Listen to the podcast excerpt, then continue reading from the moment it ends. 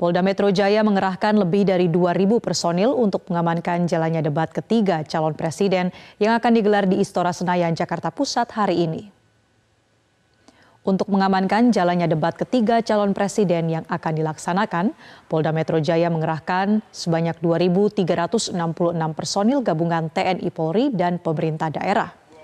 Kabit Humas Polda Metro Jaya Brigjen Pol Truno Yudo Wisnu Andiko mengatakan nantinya personil yang dikerahkan akan bertugas mengamankan kawasan Istora Senayan yang merupakan tempat digelarnya debat capres. Dan pemirsa untuk mengetahui informasi terkini jelang debat ketiga Capres, sudah terhubung dengan kami jurnalis Metro TV, Zevanya Sara langsung dari Istora Senayan, Jakarta. Zevanya, bisa Anda gambarkan bagaimana persiapan debat ketiga Capres untuk malam hari nanti di Istora Senayan dan apakah ada rekayasa lalu lintas yang diterapkan? Marcel, yang pastinya persiapan terus dilakukan baik itu dari pihak KPU maupun juga dari uh, pihak TV penyelenggara. Biasanya beberapa jam jelang pelaksanaan debat malam nanti, pihak KPU maupun TV penyelenggara ini akan melaksanakan yang namanya gladi bersih untuk memastikan kembali uh, susunan uh, pelaksanaan debat nanti.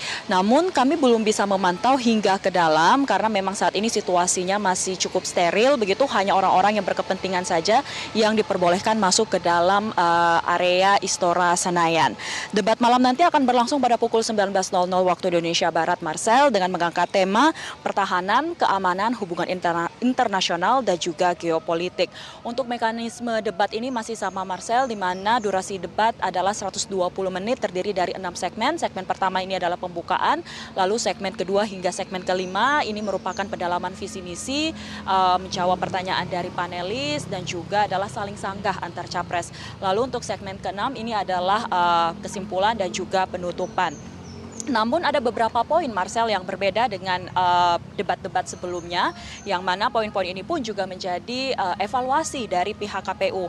Yang pertama nantinya capres ini hanya diperbolehkan untuk menggunakan satu mikrofon saja. Lalu pada saat menyampaikan visi misi ataupun menjawab pertanyaan dari panelis maupun saat menyanggah capres lain, uh, capres ini hanya diperbolehkan berada di podium saja. Lalu yang Poin selanjutnya adalah uh, pada saat bertanya capres dilarang untuk menggunakan uh, singkatan begitu.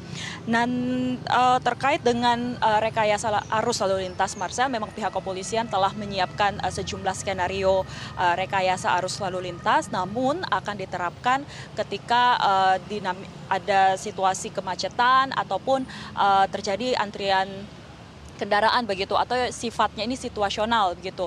Untuk rekayasa lalu lintasnya ini uh, di antaranya arus lalu lintas dari Jalan Gatot Subroto yang akan menuju ke Jalan Gerbang Pemuda ini diarahkan lurus ke arah Slipi. Lalu untuk arus lalu lintas dari uh, Jalan Asia Afrika ini diarahkan lurus ke Jalan Hang Tua Raya dan untuk arus lalu lintas dari Bundaran Senayan yang akan menuju ke pintu uh, Senayan ini diarahkan lurus ke Jalan Jenderal Sudirman. Dan sekali lagi untuk skenario-nya ini akan diterapkan atau bersifat situasional, Marcel. Untuk sementara, Marcel dari Istora Senayan kembali ke Anda di studio. Baik, terima kasih Zevanya Sara atas laporan Anda langsung dari Istora Senayan, Jakarta. Jelajahi cara baru mendapatkan informasi. Download Metro TV Extend sekarang.